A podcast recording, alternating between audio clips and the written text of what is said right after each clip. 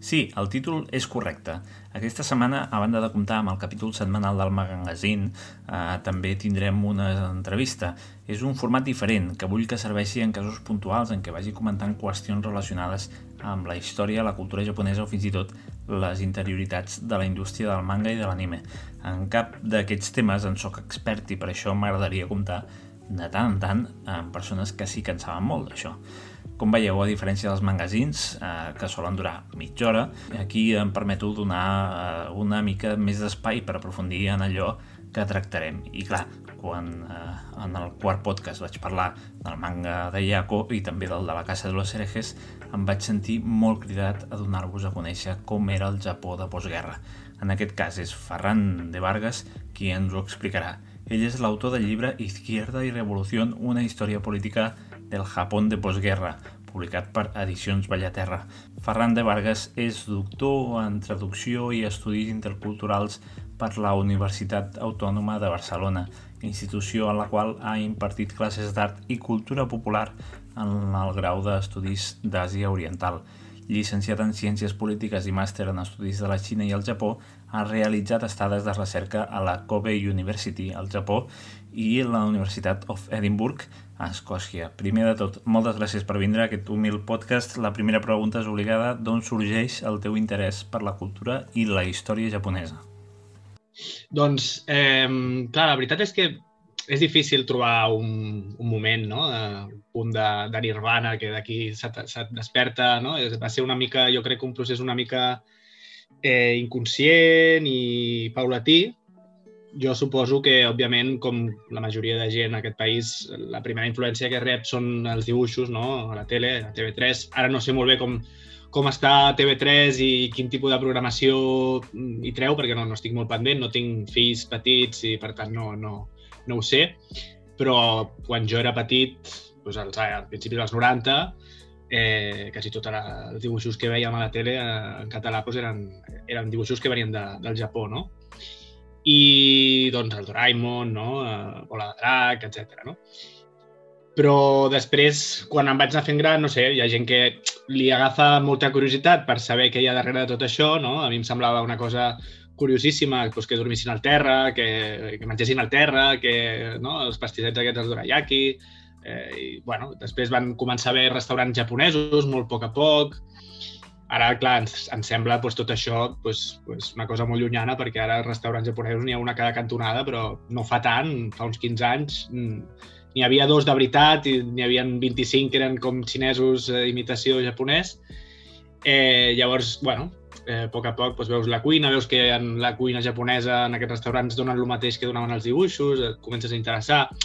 També m'interessava la Xina, no? Àsia en general, i, i bé, a poc a poc doncs, eh, veus que no tot és, és manga, no? no tot és a, a l'anime, sinó que darrere hi ha tota una cultura, tot un país, tota una història.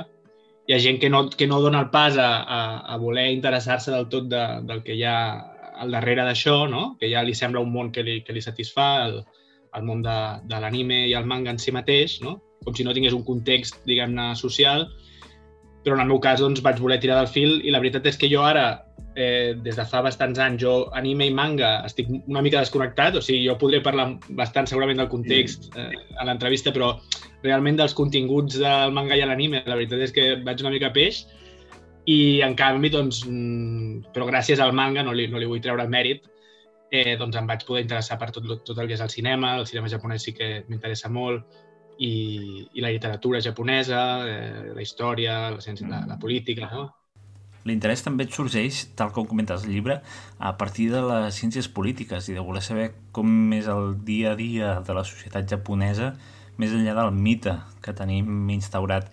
Deies que havies detectat falta d'interès en les organitzacions on havies participat i això lliga potser amb el greuge comparatiu entre la Unió Soviètica i la Xina, que potser han despertat més interès que no pas al Japó, malgrat que també és una potència mundial. Sí, de fet, bueno, a la carrera de Ciències Polítiques, eh... bé, realment, o sigui, de fet hi ha dos àmbits. Eh... La carrera de Ciències Polítiques, curiosament, quan jo, quan jo la feia, jo intueixo que un d'aquests dos àmbits deu haver canviat una mica, però o sigui, els dos àmbits són eh, tot el que són els estudis marxistes, no? Eh, que quan jo vaig començar la carrera el 2008 estaven totalment out.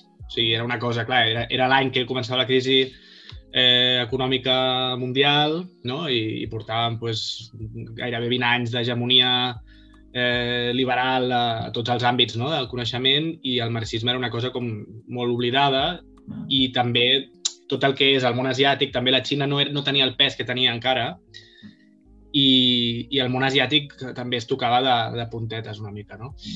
I jo intueixo que tot el que és el, el marxisme jo crec que ara segurament deu estar més, deu estar més introduït a, a la carrera de Ciències Polítiques, però tot el tema del, del Japó, eh, la Xina suposo que una mica més, però el Japó no. I sí que és cert no, que és, és una mica injust a, a nivell, a nivell eh, acadèmic i, i, i de coneixement que s'ignori tant tot aquest, eh, tot aquest món no? a, a nivell polític, a nivell històric, perquè, de fet, o sigui, eh, durant molts anys el Japó era l'epicentre diguem-ne, de, de, de la, del desenvolupament dels estudis marxistes a l'Àsia, no?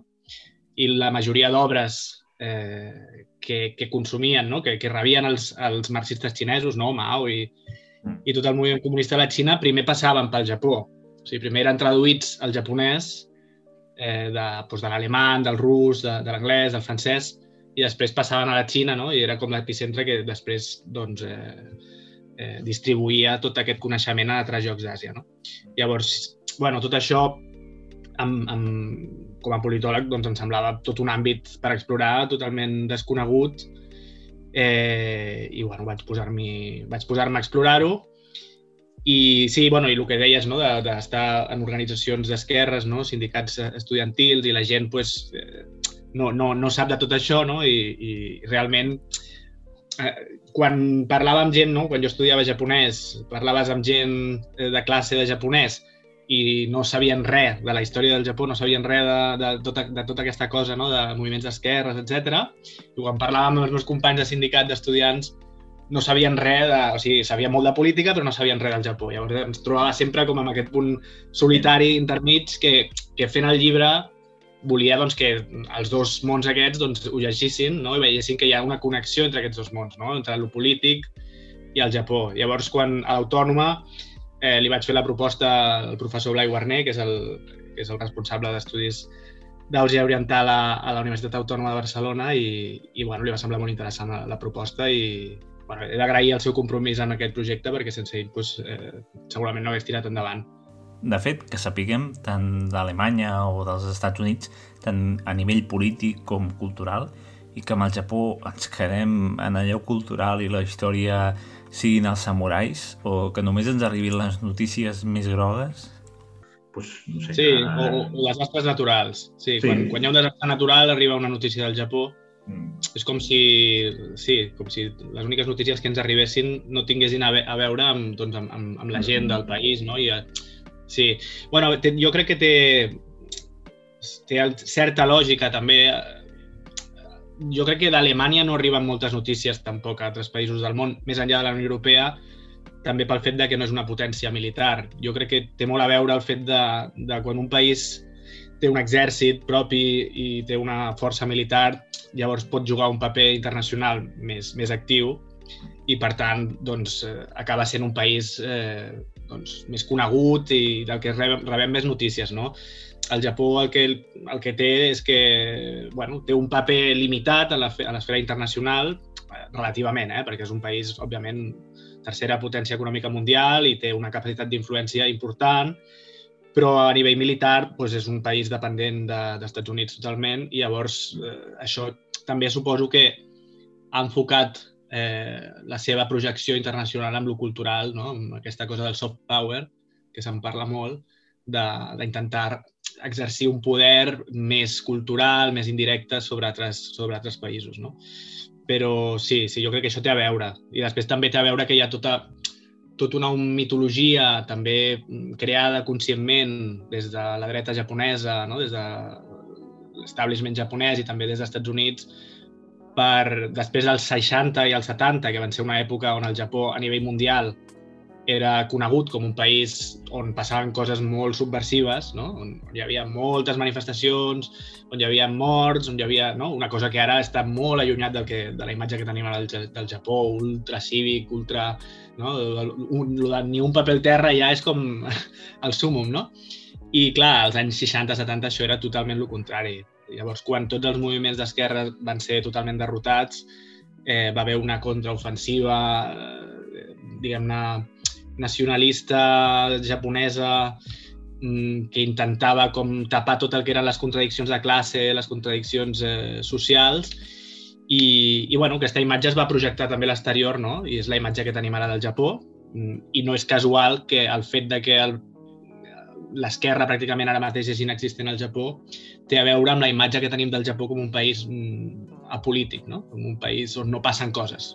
Precisament eh, comencem a parlar del llibre. A la introducció parles de l'espada i el crisantemo com un element capdalt per entendre aquesta imatge que tenim d'un Japó que fuig del conflicte, una mica com va passar després de la Guerra Civil amb el poble català, que des de fa escasses dècades es diu això, que som un poble més donat al comerç i no tant a fer la guerra. És ja als anys 40 quan comencen a teixir aquesta mena de discursos que alteren la realitat històrica? Bé, eh, clar, el curiós d'aquests discursos no? és que moltes vegades sorgeixen o, o es potencien molt justament en moments on la realitat és totalment la contrària. No?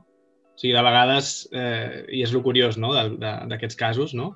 Ara, justament, jo crec que quan més s'escoltava tot el tema del seny a la cultura catalana, va ser durant el 2017 i el 2018 i el 2019, no? que, que cada cop hi havia més tertulians i més gent que parlaven dels catalans i la seva eh, moderació centenària i tal.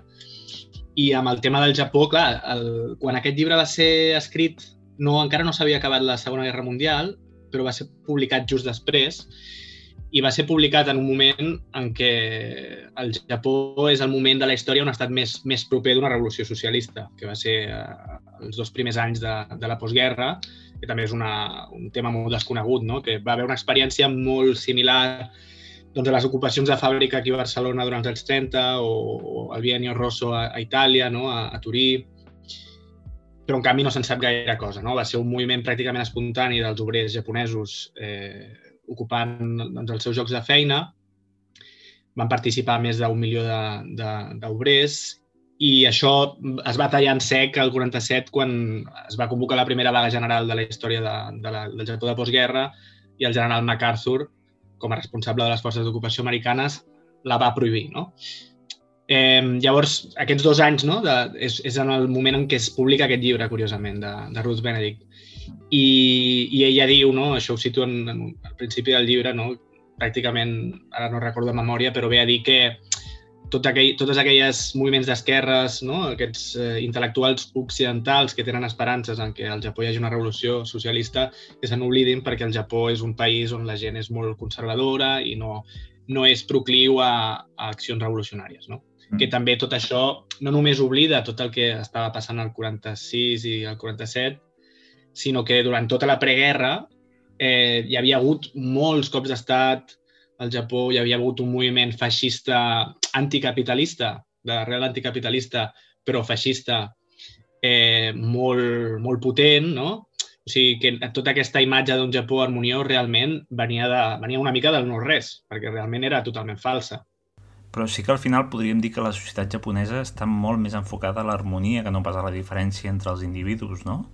Clar, jo crec que en aquí jo diferenciaria dos, dos àmbits. O sigui, jo diferenciaria l'àmbit, diguem-ne, polític i l'àmbit social. No? Jo crec que a nivell social sí que és cert que quan tu, eh, com a persona, no? com a subjecte, tu vas al Japó, notes immediatament, veus fàcilment que realment és una, una societat molt més harmoniosa, en el sentit que hi ha menys conflictes entre persones, almenys a primera vista, que societats occidentals, no? com la catalana. O sigui, tu, la gent no, no s'escridassa, no intenten no dir-se les coses directament.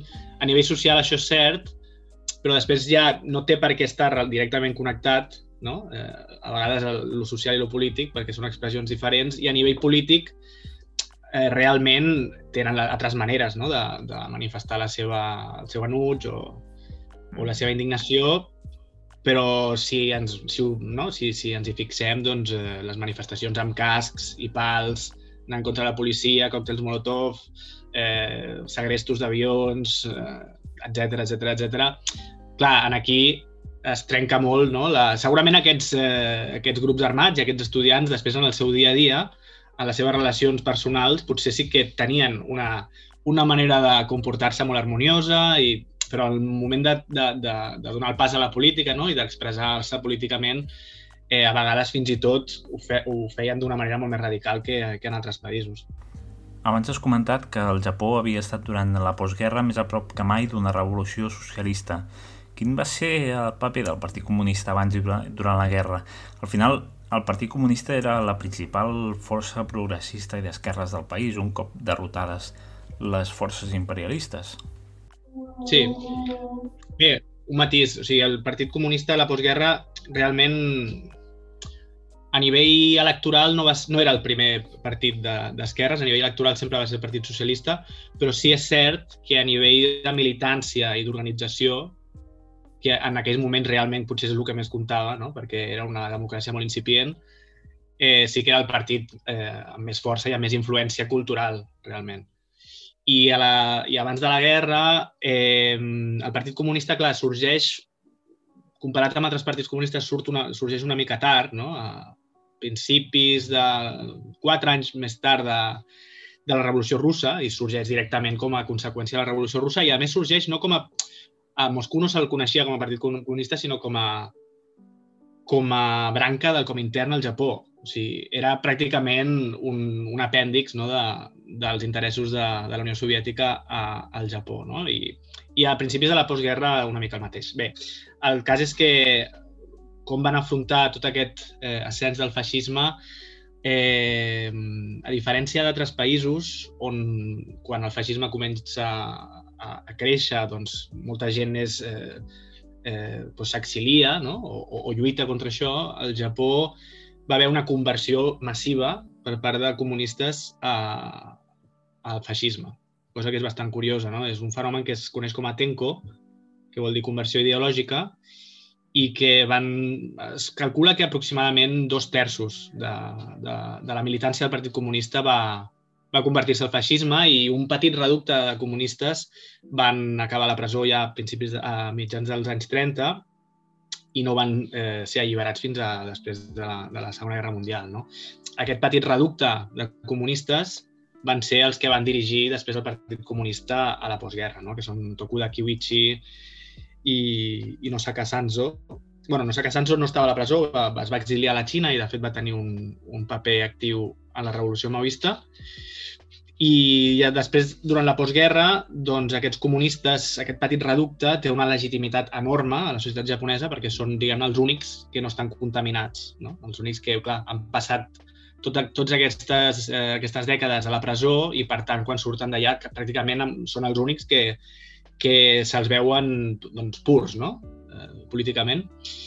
Eh, el que passa és que, clar, eh, no deixa de ser en aquell moment el Partit Comunista un apèndix encara de, dels interessos de, de Stalin i, i bueno, van una mica a remolc del que Stalin decideix. No? A principi de la, de la postguerra, Stalin decideix que els partits comunistes de tot el món tenen que fer una aliança amb els partits liberals de cada país una mica perquè espera que als Estats Units li doni crèdits per reconstruir mm, la Unió Soviètica eh, molt, molt danyada no? per l'exèrcit nazi. Eh, clar, això és... Recordem que la Guerra Freda comença dos anys després de la Segona Guerra Mundial, no comença immediatament. Llavors, durant aquests dos anys, al principi Stalin encara creu que els Estats Units doncs, potser el pot ajudar, no? Quan això es torça no? amb la doctrina Truman, no? que Truman intervé a la Guerra Civil grega directament i comença la Guerra Freda, eh, doncs eh, Stalin canvia totalment de pla i el 49 d'alguna manera força el Partit Comunista japonès a llançar-se a les muntanyes com el Partit Comunista xinès, a crear guerrilles i, i enfrontar-se directament a les forces d'ocupació eh, americanes. No? Clar, això també és en el context de la Guerra de Corea, que està a punt d'esclatar, no? que esclata el 50, i, i a, Stalin li interessa desestabilitzar el principal aliat dels Estats Units a, a Àsia, que és el Japó. No? Llavors això, no? al final una mica per resumir, el Partit Comunista al principi de la postguerra juga un paper totalment de, de cadena de transmissió dels interessos de Moscou, els geopolítics. No? Mm. I això es trenca a mitjans dels 50, no? quan puja al poder del Partit Comunista Miyamoto Kenji, que acaba mm, duent a terme una política totalment oposada, que és d'independència del Partit Comunista. Això no ho explico al llibre perquè.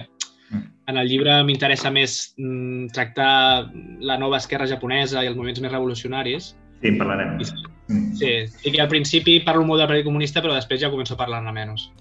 Al llibre també expliques com és el procés de canvi de percepció dels comunistes respecte als Estats Units, que al principi sembla que siguin aliats de les forces progressistes, però després adopten una estratègia de contrainsurgència i de boicot. Com és aquest canvi? És un canvi lent, clar. El Partit Comunista eh, eh, al principi de la postguerra no oblida que si, o sigui, d'alguna manera eh, si són alliberats els seus líders de la presó, és en part, bueno, en part no, totalment gràcies als Estats Units, no? que ha invaït el Japó i allibera aquests comunistes. Clar, als Estats Units, per una banda, allibera aquests comunistes i legalitza el Partit Comunista i legalitza els sindicats i les, i les vagues, pensant que hi haurà una correspondència per part dels comunistes, no? Eh, i llavors, d'alguna manera, les dos, aquestes dues forces, el comunisme i la, les forces d'ocupació americanes, al principi de la postguerra eh, es necessiten mútuament, perquè el feixisme encara està molt vigent no? al Japó i sense un partit comunista fort i una esquerra forta això és molt difícil de, de superar i, i els comunistes també necessiten els Estats Units, clar, perquè si no, doncs, eh, no poden, bueno, el, el feixisme també se'ls torna, se torna a menjar, no? El que passa és que, clar, els dos primers anys de la postguerra, l'ocupació japonesa la dirigeixen els, els diguem els responsables del New Deal, de Roosevelt. Eh, a partir del 47, eh, Truman posa al capdavant de, de l'ocupació japonesa a, a un senyor que, que era admirador de, de Franco, justament. Era, era un, molt inspirat pel, pel règim de Franco en aquell moment. I llavors la cosa comença a canviar, no? Llavors, quan els Estats Units eh, prohibeix aquella vaga que, que abans he dit, no? del 47, comença el que es coneix com a marxa enrere, i mm, tot el que s'havia estat fent no? per dur el Japó per al camí de la democràcia, no? intentar trencar els monopolis no? de, de les empreses monopolístiques japoneses que havien sigut molt responsables de, de la Segona Guerra Mundial, no? com Mitsubishi, Sumitomo, Mitsui, etc. Eh, doncs totes aquestes empreses es deixen intactes un altre cop, eh, es comença a exonerar a criminals de guerra, eh, es fa una purga roja, no? es fa fora de la feina centenars de milers de, de persones acusades de, de ser comunistes, no? Hi ha com un, un macarcisme, no? És al mateix temps el macarcisme als Estats Units, doncs també passa al Japó. I llavors el Partit Comunista, d'alguna manera, clar, no té molta alternativa a seguir confiant en els Estats Units, perquè l'alternativa és fer una revolució que potser és impossible de fer. Eh, però igualment però la seva... muntanyes, vull dir que de sobte... Sí, sí.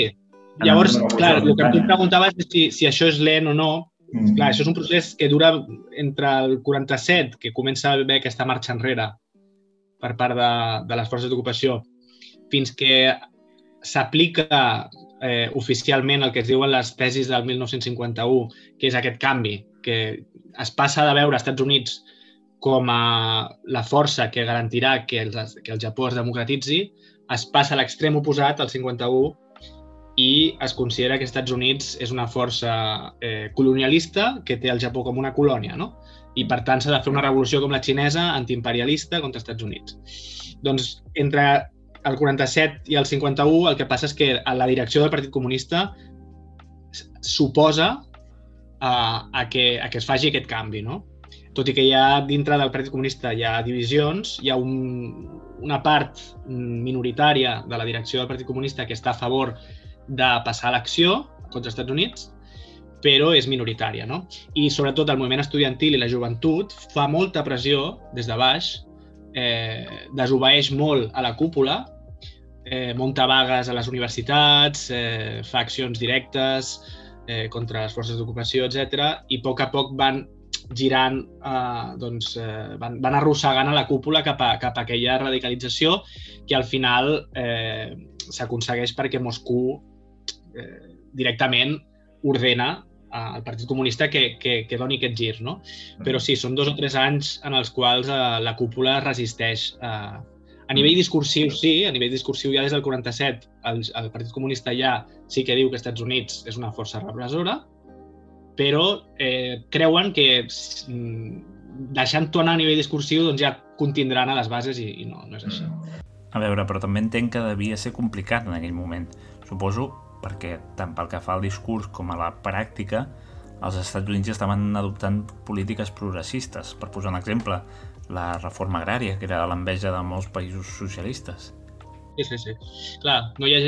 és difícil llegir mm, correctament la situació pel, pel, pel que dius, no? Perquè, clar, això de la reforma agrària, la reforma agrària és el 46, no? És justament abans de la Guerra Freda, no sabem si, si dos anys després s'hagués fet el mateix. bueno, no ho sé, no, això mai ho sabrem, no? Però, clar, és cert que els, clar, els dos primers anys d'ocupació americana innegablement són dos anys en què realment les forces d'ocupació americanes democratitzen el Japó. Això, això s'ha de dir.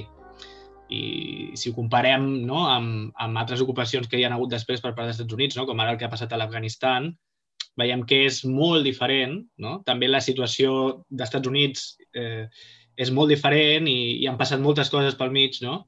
I, I una cosa que van entendre molt bé els americans al Japó va ser que per democratitzar el Japó el que s'havia de fer era enfortir l'esquerra.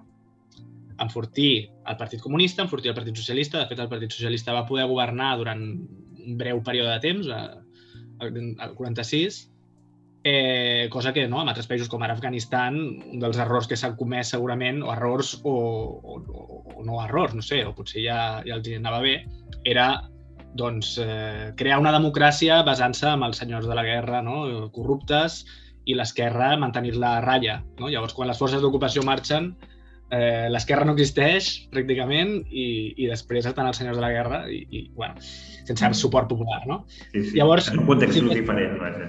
Sí, sí, són contextos molt diferents. Llavors, sí que és cert que, clar, els dos primers anys de postguerra, els Estats Units realment fa una tasca democratitzadora molt profunda i al Partit Comunista li costa molt, eh, segurament, d'adaptar-se a un canvi tan brusc cap a l'altra banda, no? I sí, sí, segurament això té, té, té molt a veure, també. Mm. Mm. Comença a haver-hi estudiants desencantats amb la línia del Partit Comunista i es creen aquestes assemblees d'estudiants, les en Kyoto, si no m'equivoco. Com era aquesta nova esquerra japonesa? Sí, o sigui, primer, el 48 es creen el Zengakuren, que és la, és la, diguem la federació, no són assemblees, són com, es diuen organitz, eh, cèl·lules d'autogovern estudiantil, no? que de fet eh, totes les universitats japoneses des de mitjans dels 40, finals dels 40, eh, per llei obliguen a que, a que hi hagi aquestes cèl·lules i llavors tots els estudiants quan es matriculen s'han d'inscriure en, en aquestes cèl·lules. No? Llavors hi ha unes eleccions representatives pels estudiants, etc. No? I aquestes organitzacions que de fet són institucionals, molt ràpid eh, són eh, se n'apoderen els comunistes. No? Eh, la nova esquerra, diguem-ne, és un concepte que sorgeix a mitjans dels 50, no? quan el Partit Comunista japonès passa d'enviar guerrilles d'estudiants a les muntanyes a, eh, a tot el contrari, no? torna a fer un, un cop de volant cap a l'altre extrem i diu no, a partir d'ara només les urnes, eh, intentem jugar al joc de la democràcia, no? llavors hi ha un conjunt de, de, de joves que havien estat en aquestes, a les muntanyes i havien creat les guerrilles que es revolten contra el Partit Comunista i creen eh, organitzacions mm, marxistes, però en contra del Partit Comunista. No? I eh, bueno, aquesta nova esquerra es va desenvolupant i és a finals dels 60, no? el, el, el que es coneix com el 68 japonès, no? eh, que sorgeixen el que deies tu del Zen Kyoto, que ja no són eh, cèl·lules eh, institucionals, sinó que són assemblees d'estudiants eh, creades espontàniament i que es creen sempre en contextos de vaga eh, estudiantil no? per organitzar la vaga i després es, després s'estabilitzen. No?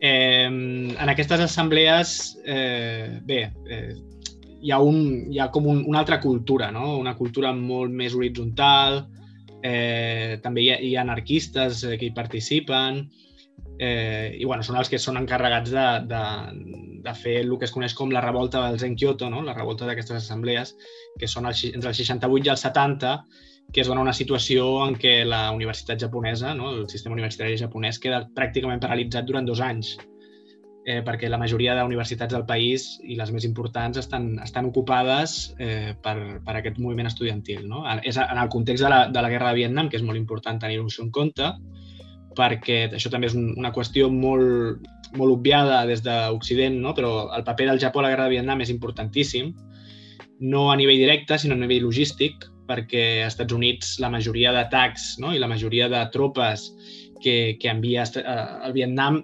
eh, són, són gestionades des del Japó, no? i també tots els, els hospitals militars que hi havia al Japó per, per eh, curar els ferits eh, americans, eh, tot, el, bueno, tot el, el, el transport de combustible passava pel Japó també, llavors tenia un paper molt important i els activistes japonesos es sentien molt responsables del que estava passant al Vietnam no? i se sentien amb la legitimitat de recórrer a la violència no? i a pràctiques molt contundents perquè ells es consideraven pràcticament partíceps d'una guerra. No? Tot això es produeix enmig d'un context en què s'estaven engegant revolucions en països com Cuba, la Xina o altres, unes revolucions mitificades pel jovent. Què en pensaven aquests estudiants japonesos? Volien optar per revolucions eh, com les que s'estaven donant o volien optar per la seva pròpia via? Sí, sí, sí. Sí, eh, està estudiat això, no? que realment és el boom de la, de, de, de la imatge, no? als anys 60, és quan la televisió agafa un rol molt important i es dona un, com una situació paradoxal, que és que arriben més imatges que mai de l'exterior, no? Llavors, això crea com a nivell sobretot no intel·lectual, sinó sobretot a nivell emocional, com la sensació de que estan passant moltes coses molt radicals a tot el món i que s'hi ha de participar, però al mateix temps el fet de que aquesta informació sigui via imatge fa que hi hagi un coneixement molt superficial sempre del que està passant a l'exterior. Llavors, hi ha més com una influència eh, quasi intuïtiva, no? de que hem de fer alguna cosa, més que d'imitar models exteriors, perquè realment tampoc hi havia, en general, molt coneixement de, profund de, quins eren aquests models. No? Mm. Eh, I el Japó, segurament el, el que va tenir més influència... Realment, el maoisme va tenir influència, però menys de la que s'hauria d'esperar, no? tenint en compte que era el veí. No? Sí que va tenir influència, òbviament, però no necessàriament més que a França, no? on van sorgir molts grups maoistes. Eh, Vietnam sí que l'ofensiva del Tet i, i tota, tot, tota aquesta lluita de, dels vietnamites sí que va tenir com una, una importància molt gran pels japonesos i després la revolució cubana segurament no tant, tot i que sí que hi ha fotografies, no, de, per exemple, de la Universitat de Kyoto ocupada amb un, amb un quadre de, del Che Guevara, eh, però no deixen de ser, ja com, com et deia, influències més aviat estètiques, més aviat eh, intuïtives, no? Però mm. sí, sí que és cert que hi havia un, una, sí, una, una, com un contagi mundial, no? Podríem dir-li quasi com un contagi, sí. També ho expliques al llibre que moltes famílies japoneses passen per la misèria més absoluta un cop acabada la guerra a, durant els 60 poder-se comprar fins i tot electrodomèstics. Això genera, com dius, al llibre una crisi existencial, sobretot en els joves, que no saben com identificar-se. Sí, això és, realment és difícil de, de poder entendre-ho, no? perquè és una cosa molt contradictòria, no? el fet de que realment eh, es considera no, que totes aquestes revoltes sorgeixen precisament de, de, de tanta abundància material, a vegades, no? d'aquest contrast que deies no? entre, entre venir d'una societat, una societat pobra eh, a de cop convertir-se en una societat rica a nivell, a nivell material com, com mai abans, no? Eh, no? Ja succeeixen els Jocs Olímpics del 64, també, que va ser com un boom de, doncs d'urbanització i també eh, doncs, econòmic, tecnològic, i, i llavors molta gent se sentia d'alguna manera eh, doncs una mica desorientada, no? I, I també es donava el factor de que en les societats de consum, no? on, on la classe treballadora, eh, diguem-ne que acostuma a ser menys activa o menys polititzada, no?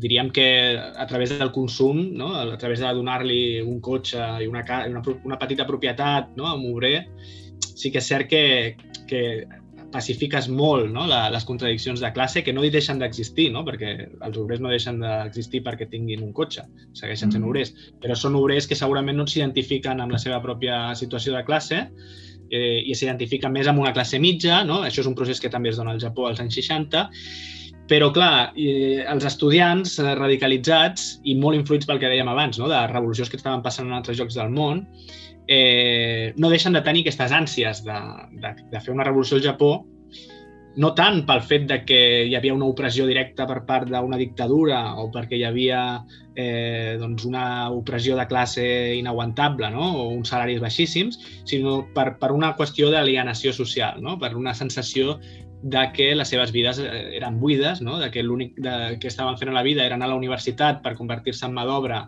per fer créixer el PIB del país, per no se sap per què, i això, doncs, eh, barrejat amb la influència, el contagi aquest general mundial de, de moviments revolucionaris i ideològics, doncs fa que els estudiants es, es rebel·lin. Llavors sí que és, és, una, és una cosa curiosa, no? perquè justament també es passa a França. No? En el moment de màxim creixement econòmic d'aquests països industrialitzats és justament quan es dona les revoltes, les últimes grans revoltes que hi ha hagut en aquests països. Personalment, un dels relats que més em va sobtar del llibre és la disciplina que tenien aquests estudiants, arribant al punt de la tortura en cas de, de traïció o boicot de les decisions col·lectives i, per exemple, doncs, a una vaga. No? Quan pensem en organitzacions estudiantils, pensem en termes d'un grup de debat que pot fer algunes accions, tipus penjar eh, una pancarta, fer una pintada o tallar una carretera, però res que pugui arribar a col·lapsar la societat, que, que l'envolta. La nova esquerra japonesa d'aquests moviments estudiantils, en canvi, té aquest component gairebé militar. Això en un context d'un país que forma part d'aquesta aliança liberal, podríem dir. No s'acaba d'entendre gaire que es pogués permetre. Sí, realment, primer dir que el que em va sobtar a nivell qualitatiu és això i a nivell quantitatiu també em sobtava no? que el moviment estudiantil japonès, també ho comento en el llibre, ja, ja experts no, sobre el tema que consideren que ha estat el moviment estudiantil més, més organitzat i més potent de la història de, del segle XX. No? Eh, llavors, és, és un, jo crec que és una cosa que seria interessant de ficar-hi al focus, no? perquè, home, perquè va tenir una contundència increïble, no? I sí que, sí que sorprèn molt aquesta capacitat, no? Aquesta... Sí, com, a, com ho deies com... Bueno, aquesta severitat, no? aquesta capacitat de ser sabers, no? I, sí, sí. Eh, I és curiós també per la diferència entre, entre aquest estil, no? aquesta, aquesta cultura estudiantil japonesa i la d'altres països de, industrialitzats, no? perquè en altres països industrialitzats sí que és cert que a, a nivell general, el 68, doncs sí que hi ha molta radicalitat i molts estudiants se senten legitimats no? per, per exercir la violència cap a altres persones perquè consideren, com et deia abans, que estan participant d'una guerra. No?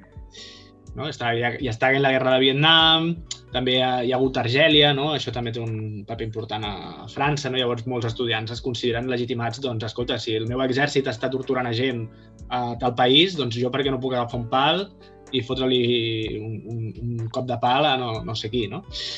Eh, però sí que és cert que al Japó això mm, és encara més exponencial eh, hi ha, per exemple, als Estats Units hi ha també una cultura estudiantil molt adonista a vegades, no? molt, eh, ja comença a haver el boom del rock i les coses a vegades es barregen una mica, no?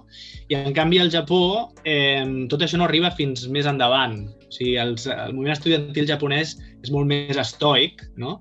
molt menys donat a la música, molt menys donat al, al gaudi immediat, eh, a l'auto, no? l'auto, diguem-ne, complaença, o com, com li vulguis dir, i, i és molt més, mm, bueno, com un tòpic, no? molt més samurai, no? molt, més, molt més estoic, molt més d'agafar el pal i tots junts i, i vinga, no? Eh, sí, és, és una cosa que sobta i, i bueno, aquestes imatges de totes les manifestacions, tots amb els cascs, la, les cares tapades, els pals, eh, és, bastant, és bastant curiosa, sí, sí. A més, vull recordar que en aquest context de la nova esquerra japonesa també sorgeix l'exèrcit roig japonès, una organització armada que no sé si es podria arribar a equiparar a d'altres que coneixem millor i que també són d'aquella època com la ETA o la RAF. Home, jo crec que equiparar-ho sí. Um, home, jo crec que no, no tenia el mateix arrelament social que, que la ETA, per exemple, no? perquè la ETA tenia una, un arrelament social molt fort. En canvi, al Japó, doncs, l'exèrcit roig japonès eh, era una cosa molt més allunyada de, del sentit comú social, no? Eh, tot i que encara reivindica a vegades en certs, en certs àmbits eh, universitaris. No? La, és curiós perquè la, la Universitat de Kyoto per exemple, encara segurament és la, la universitat on, on hi ha més eh, història radical al Japó durant la postguerra i encara hi ha reductes allà bastant radicals. Eh, però a nivell quantitatiu no sé si seria comparable, devien ser 500 membres, més o menys, que no està malament, però sí que a nivell d'accions bueno, no, no els guanyava ningú a nivell d'iniciativa radical perquè durant molts anys van segrestar avions per diferents llocs del món, ambaixades a Indonèsia, eh, l'atemptat a l'aeroport de, de Lot a Israel.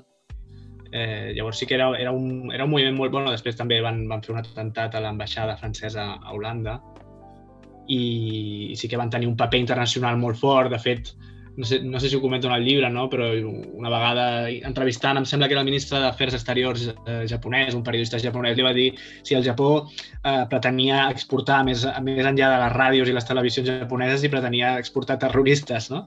Imagina't si, si, si tenia influència, diguem-ne, en marcar discurs no? eh, aquest, aquest moviment terrorista.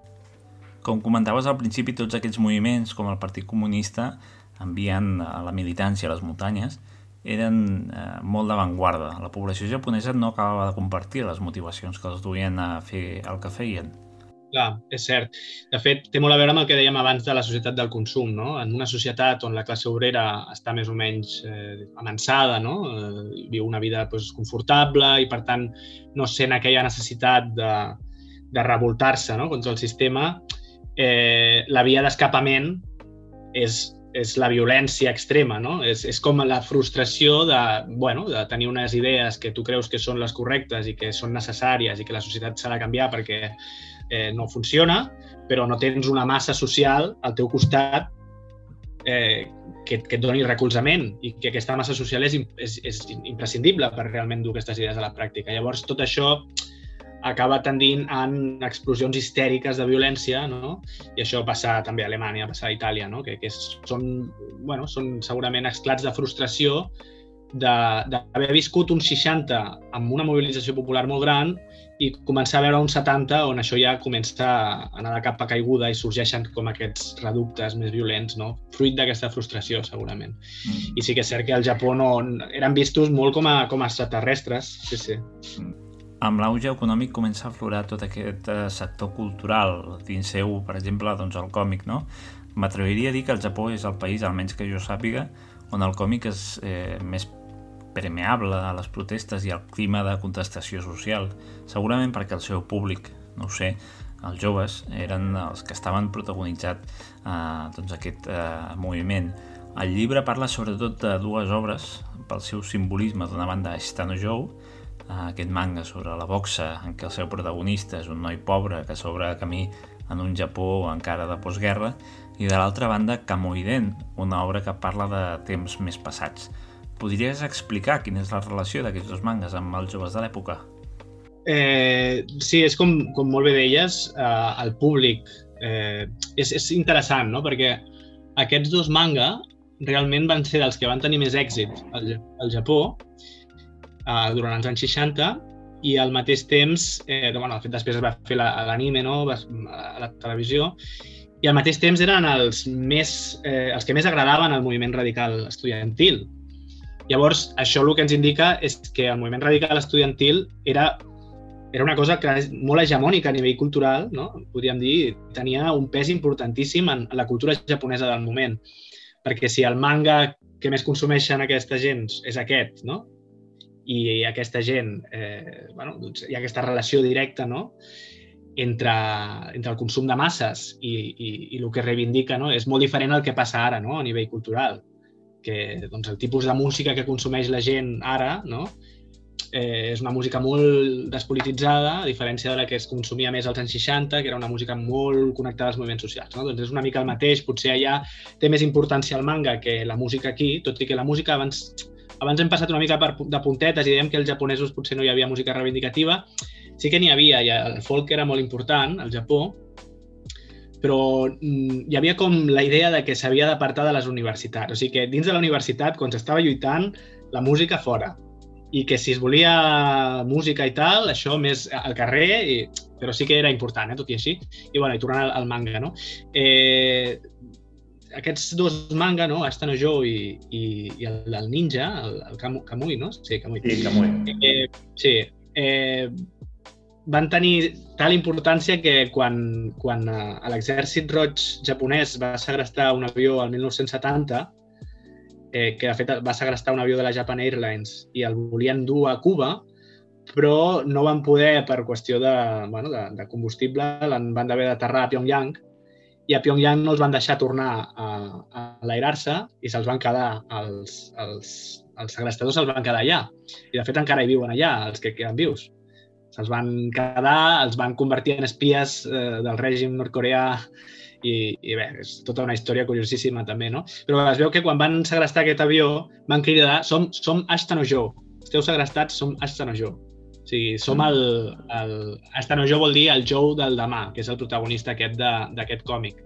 O sigui, realment tenia una influència política i, bueno, impensable, quasi una mica friqui també, no? Perquè és com si ara tu t'agrada la, la, no sé, el Lluís Llach i entres en un avió eh, segrestes i dic, soc Lluís Llach, visca l'estaca, no? És, és, com, és molt friqui.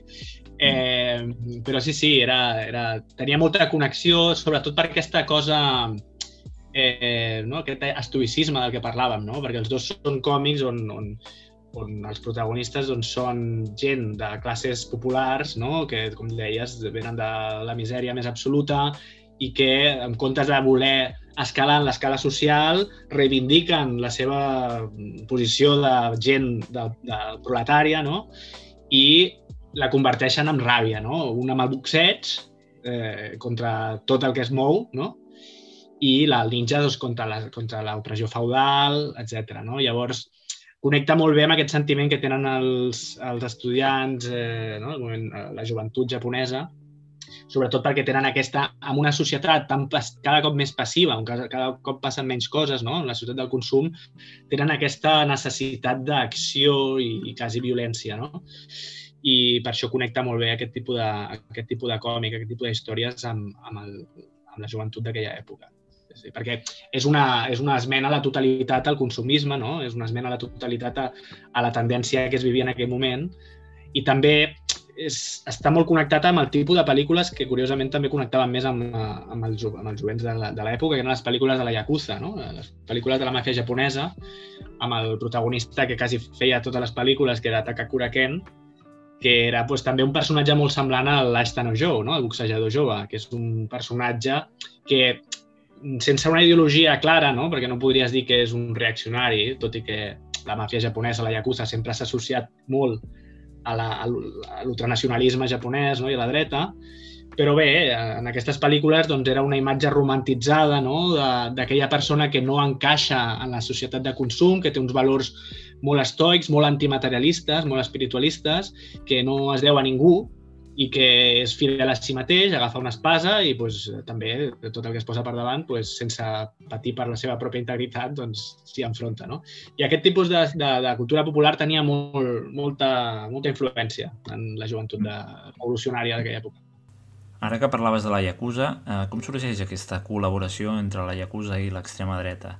És un aspecte que potser no es coneix gaire a causa d'aquesta mitificació a través del manga i dels videojocs també, de les persones que pertanyen a la màfia japonesa. I, com dius, van ser un element indispensable per la contrainsurgència en aquesta època de postguerra. Sí, això realment seria interessant fer un altre llibre sobre això, perquè és interessantíssim també. Eh, Diguem-ne que a la postguerra l'extrema dreta japonesa, la Yakuza, juga un paper molt important, eh, com deies, a, de contrainsurgència, no? a l'hora de, de, com altres països del món ha fet la màfia, no? de parar els peus a, el sindicalisme, el moviment organitzat d'esquerres. Això té un punt eh, quasi d'inflexió, un punt molt important al 1960, no? perquè als 60 es produeixen la, la revolta contra el Tractat de Seguretat entre el Japó i els Estats Units, que és la, la mobilització de masses més important o més, més gran de la història del Japó. I aquí, com tota, quan hi ha una acció massiva d'esquerra, sempre hi ha una reacció. No? I la reacció al Japó va ser evident i, de fet, el primer ministre d'aleshores, que era Kishi Nobusuke, que és el avi de, de l'Abe Shinzo, no? el, que, el que fa poc era el primer ministre del Japó, eh, que era un, eh, una persona condemnada com a criminal de guerra perquè era el responsable de, durant la Segona Guerra Mundial de, diguem de l'esclavisme, no? d'agafar mà d'obra esclava de països d'Àsia. Doncs aquest senyor es va convertir en primer ministre a finals dels 50 i va ser l'encarregat de parar, de frenar aquestes mobilitzacions populars contra el Tractat de Seguretat entre els Estats Units i el Japó. I una de les coses que va fer va ser recórrer, i això està estudiat, recórrer a la màfia, recórrer a la Yakuza perquè eh, es mobilitzés en contra de, de, físicament, eh, perquè ataqués les manifestacions físicament per, per, per crear por. No? I eh, això va ser una mica la gènesi de, del, del boom de l'extrema dreta que també existeix als 60, no? Hi ha un punt d'inflexió aquí. I, I, bueno, un dels... És interessant, no? Un dels principals eh, Yakuza que va tenir un paper importantíssim amb, amb, aquest, amb aquesta aliança amb el primer ministre va ser un senyor que es deia Yoshio Kodama, que és interessant de, de buscar la seva història, perquè es va convertir en un dels homes més rics del Japó i un gran empresari japonès molt influent, que després feia negocis amb, amb les companyies aèries americanes militars per facilitar eh, compra-venta d'avions militars, va tenir connexió amb, amb, amb Richard Nixon. Eh, hi ha tota una... És molt interessant, hi ha un llibre que es diu eh, Tokyo Underground, que explica tot aquest paper de, de la màfia japonesa eh, al Japó. No? I aquest senyor, Yoshio Kodama, havia sigut, de fet, un càrrec important en el govern feixista de, de la Segona Guerra Mundial. O sigui, sí, sí, hi ha tota una línia de continuïtat. I també va tenir un paper crucial aquesta extrema dreta en l'assassinat d'Inejiro Asanuma del eh, Partit Socialista. El, sí, el Partit Socialista, el Partit Socialista en aquell moment, clar, estem ara en retrospectiva, veiem el Japó mm. com un estat clarament unipartidista pràcticament, no?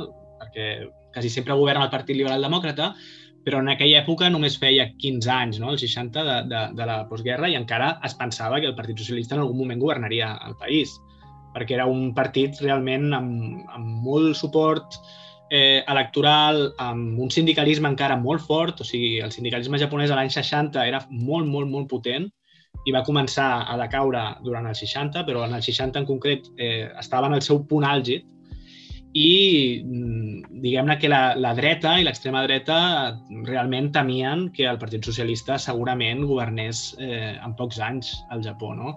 I això va generar doncs, una reacció i, com bé dius, eh, un, un jove de 18 anys d'extrema dreta amb un míting eh, televisat eh, va, eh, va matar el, el, primer, el secretari general del Partit Socialista, Sanuma Inejiro, amb una, amb una katana.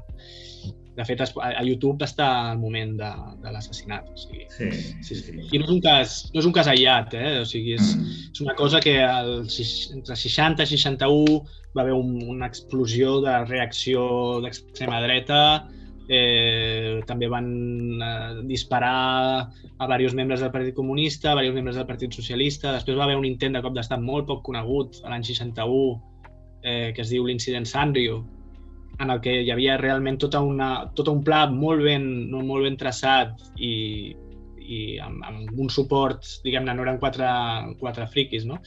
per matar tot el, tot el gabinet del primer ministre Ikeda i mm. o sigui, sí que va haver un moment de, sí, sí, de convulsió important. No et vull fer perdre gaire més temps, però sí que volia aprofitar per tractar una mica la situació actual de la societat japonesa. A partir dels 70 molts moviments es desinflen i si bé des del punt de vista formal Japó no és una colònia, tampoc penso que sigui un país absolutament independent.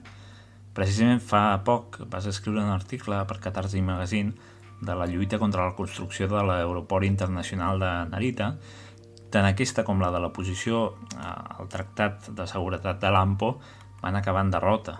Per cert, que recordeu que tota la informació d'aquests temes la teniu al llibre, que us convido a llegir. Em sap greu perquè no n'hem parlat suficientment.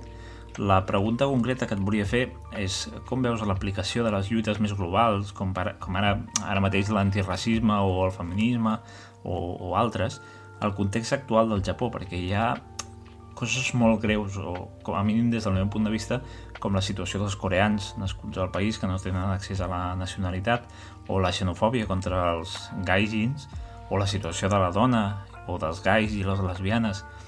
Quan algú de fora del Japó parla d'aquests temes, de vegades l'acusen d'etnocèntric.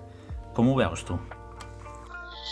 Sí, eh, clar, amb el Japó jo crec que sí que és ambivalent la, la, la meva opinió sobre això, perquè sí que és cert que al ser una nació industrialitzada al mateix nivell que la nostra, bueno, o més, no? O sigui, potser segurament té una societat molt més desenvolupada a nivell tecnològic, a nivell eh, industrial, comercial, no? que, que la nostra. Llavors, a vegades tendim també a, a fer que la, o sigui, que, la, que el nivell de cult, no? la, la cultura sigui la, com corresponent no? a, a la nostra. Llavors, no, perquè a vegades jutgem, a mi sí que em dóna la sensació que a vegades jutgem més la cultura japonesa perquè diem, home, com pot ser que... No, perquè diem, els països àrabs quasi no, no ho jutgem a vegades, no? Perquè com que a nivell econòmic doncs, no estan tan desenvolupats, doncs, bueno, no? a vegades també hi ha aquest etnocentisme de dir, bueno, com que estan atrasats a nivell econòmic, doncs és normal que a nivell doncs, social doncs, hi hagi més masclisme i no sé què, no? Llavors, quasi que no s'entra ja quasi ni a, ni a ni a jutjar-ho. No? Amb el Japó passa una mica el contrari, no? perquè al, al veure que és una societat que s'ha industrialitzat al mateix temps que les societats occidentals, tendim a dir, home, doncs llavors hauria de també no? tenir aquest nivell de consciència feminista, aquest nivell de consciència LGTBI, etc. No? Eh, sí que és cert que es poden fer comparacions i, i a nivell de, a nivell de, de consciència LGTBI n'hi ha molt menys al Japó que aquí, eh, a nivell de racisme, segurament hi ha un racisme molt més, molt més exacerbat allà, això que dius dels Ainichi, no? els residents coreans a, al Japó, mm. que, bueno, que són fills nets ja de, de, de gent que vivia allà i encara no poden accedir a la nacionalitat japonesa. Això és una cosa que clama al cel. Segurament doncs, el fet de, de viure amb un... Clar, a nivell, geo, a nivell geo, geo, geopolític, no? el Japó està envoltat de països on tot això també doncs, mm, bueno, no, no és una cosa on, on, on sigui un punt important polític. No? Clar, aquí a Europa eh, hi ha tota una altra cultura, no? tenim França, tenim eh, el Regne Unit, tenim Alemanya, tenim... No? Bé, és, és, és una cosa delicada, no? perquè sí que és cert que d'una banda aquí eh, les societats eh, europees veuen de la il·lustració hi ha hagut unes revolucions il·lustrades, hi ha hagut una revolució francesa, eh, doncs, on s'ha reivindicat des de fa ja segles la, la importància de l'individu i la llibertat individual. Això al Japó és una cosa més nova, no? és una cosa que va haver una, revo una revolució pràcticament liberal al 45, però que va ser conduïda des de fora no? per als Estats Units. Llavors, tot això segurament té, té, la seva, té la seva importància en com ara eh, certs discursos que al final no deixen de ser discursos en els que es dona importància a, a l'individu, no? a tot el discurs feminista, LGTBI, el, si jo vull fer una cosa, qui m'ha de dir, no? la societat que m'ha de dir que no ho faci, no? Doncs segurament està menys, eh, doncs hi ha menys consciència d'això. No? I, però també és cert que això no només és eh, fruit d'un procés natural de la cultura japonesa, això és important dir-ho, sinó que també ha estat una cosa imposada eh, per, bueno, per poders el que els ha interessat fer del Japó un país conservador. No? O sigui, el Japó governa la, la dreta des de fa també molts anys perquè als Estats Units l'ha interessat que així sigui, als Estats Units ha finançat la dreta moltíssim, ha reprimit l'esquerra moltíssim i segurament si l'esquerra hagués tingut més capacitat i més llibertat per dur a terme el seu programa eh, transformador, doncs ara estaríem parlant d'una societat amb altres tipus de consciències. Recentment hi ha hagut eh, primàries al partit dominant al Japó, el Partit Liberal Democràtic, i sembla que hi ha hagut una nova deriva conservadora. Per qui no ho sàpiga, com està ara mateix la política japonesa?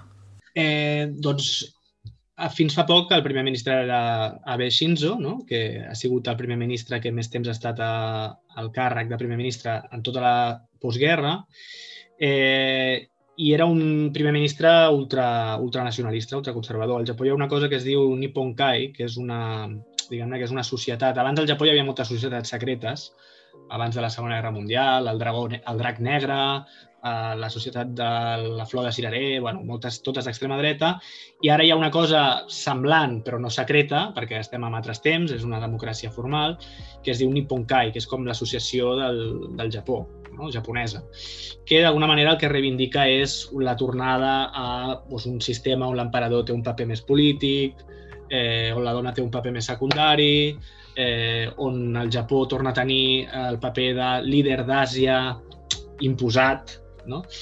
Eh, I el Shinzo Abe formava part d'aquest eh, d'aquesta associació i ell va anar col·locant en, el, en el, bueno, a la burocràcia els seus, eh, les seves persones de confiança i també doncs, membres del Nippon Kai, pràcticament tots els membres del seu, del seu gabinet eren membres d'aquesta associació.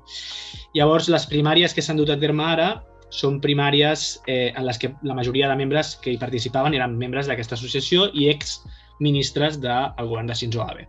O sigui que tampoc es podia esperar un canvi. No? I ha acabat guanyant un membre que era el, havia estat ministre d'Exteriors del govern de Shinzo Abe, que té un perfil, eh, és, forma part del Nippon Kai, o sigui, d'aquesta associació ultraconservadora, però té un caire una miqueta més, diguem-ne, ell es reivindica com anti eh, neoliberal, no? Ell considera que Abe Shinzo era no deixava de ser un neoliberal i ell diu, tot i que ell ve de, de treballar, o sigui, de ser banquer, ell ve de ser banquer, però ell diu que pretén distribuir la riquesa al Japó més, bueno, veurem. No? Però mm, realment aquestes primàries no han sigut molt importants a nivell de... perquè no, tampoc s'esperava que hi hagués un canvi molt, molt important. O sigui, el canvi al Japó es va donar el 2008, quan va pujar al poder el Partit Democràtic, que bueno, era un partit, diguem-ne, de centre-esquerra, però en pocs anys se'l van carregar per totes bandes. Als Estats Units no li va interessar que governés perquè volia revisar la política de bases americanes a, al territori, volia mm, millorar les relacions directes amb la Xina. Bé, el van torpedejar des del primer moment i després mm, va haver la mala sort també de que li va tocar gestionar el terratrèmol del 2011 i la crisi de Fukushima i, amb, i després va fer un altre error, error o el que sigui, que va ser pujar els impostos, indirect, el, els impostos al consum, cosa que és molt sensible a la societat japonesa, i a les següents eleccions ja doncs, va desaparèixer. Sí, sí.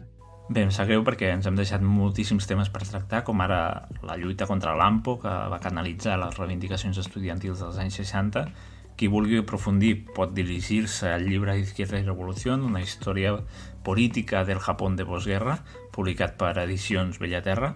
I a tu, Ferran, moltes gràcies per participar d'aquest podcast i acceptar la invitació. Quan vulguis estàs convidadíssim a tornar per comentar altres temes sobre la història japonesa més recent. Ha estat un plaer. Merci per convidar-me. Gràcies. I a tots els oients espero que us hagi resultat interessant el que hem estat parlant durant aquesta hora. Si és així, us demano que compartiu l'enllaç a aquesta entrevista a les vostres xarxes socials, que comenteu una mica què en penseu de tot plegat i sobretot subscriviu-vos i seguiu-me a les xarxes socials a arroba el magazín tant a Twitter com a Instagram. No sé quan serà la propera entrevista ni de quin tema tractarà, així que també s'accepten propostes. Moltes gràcies i a reveure.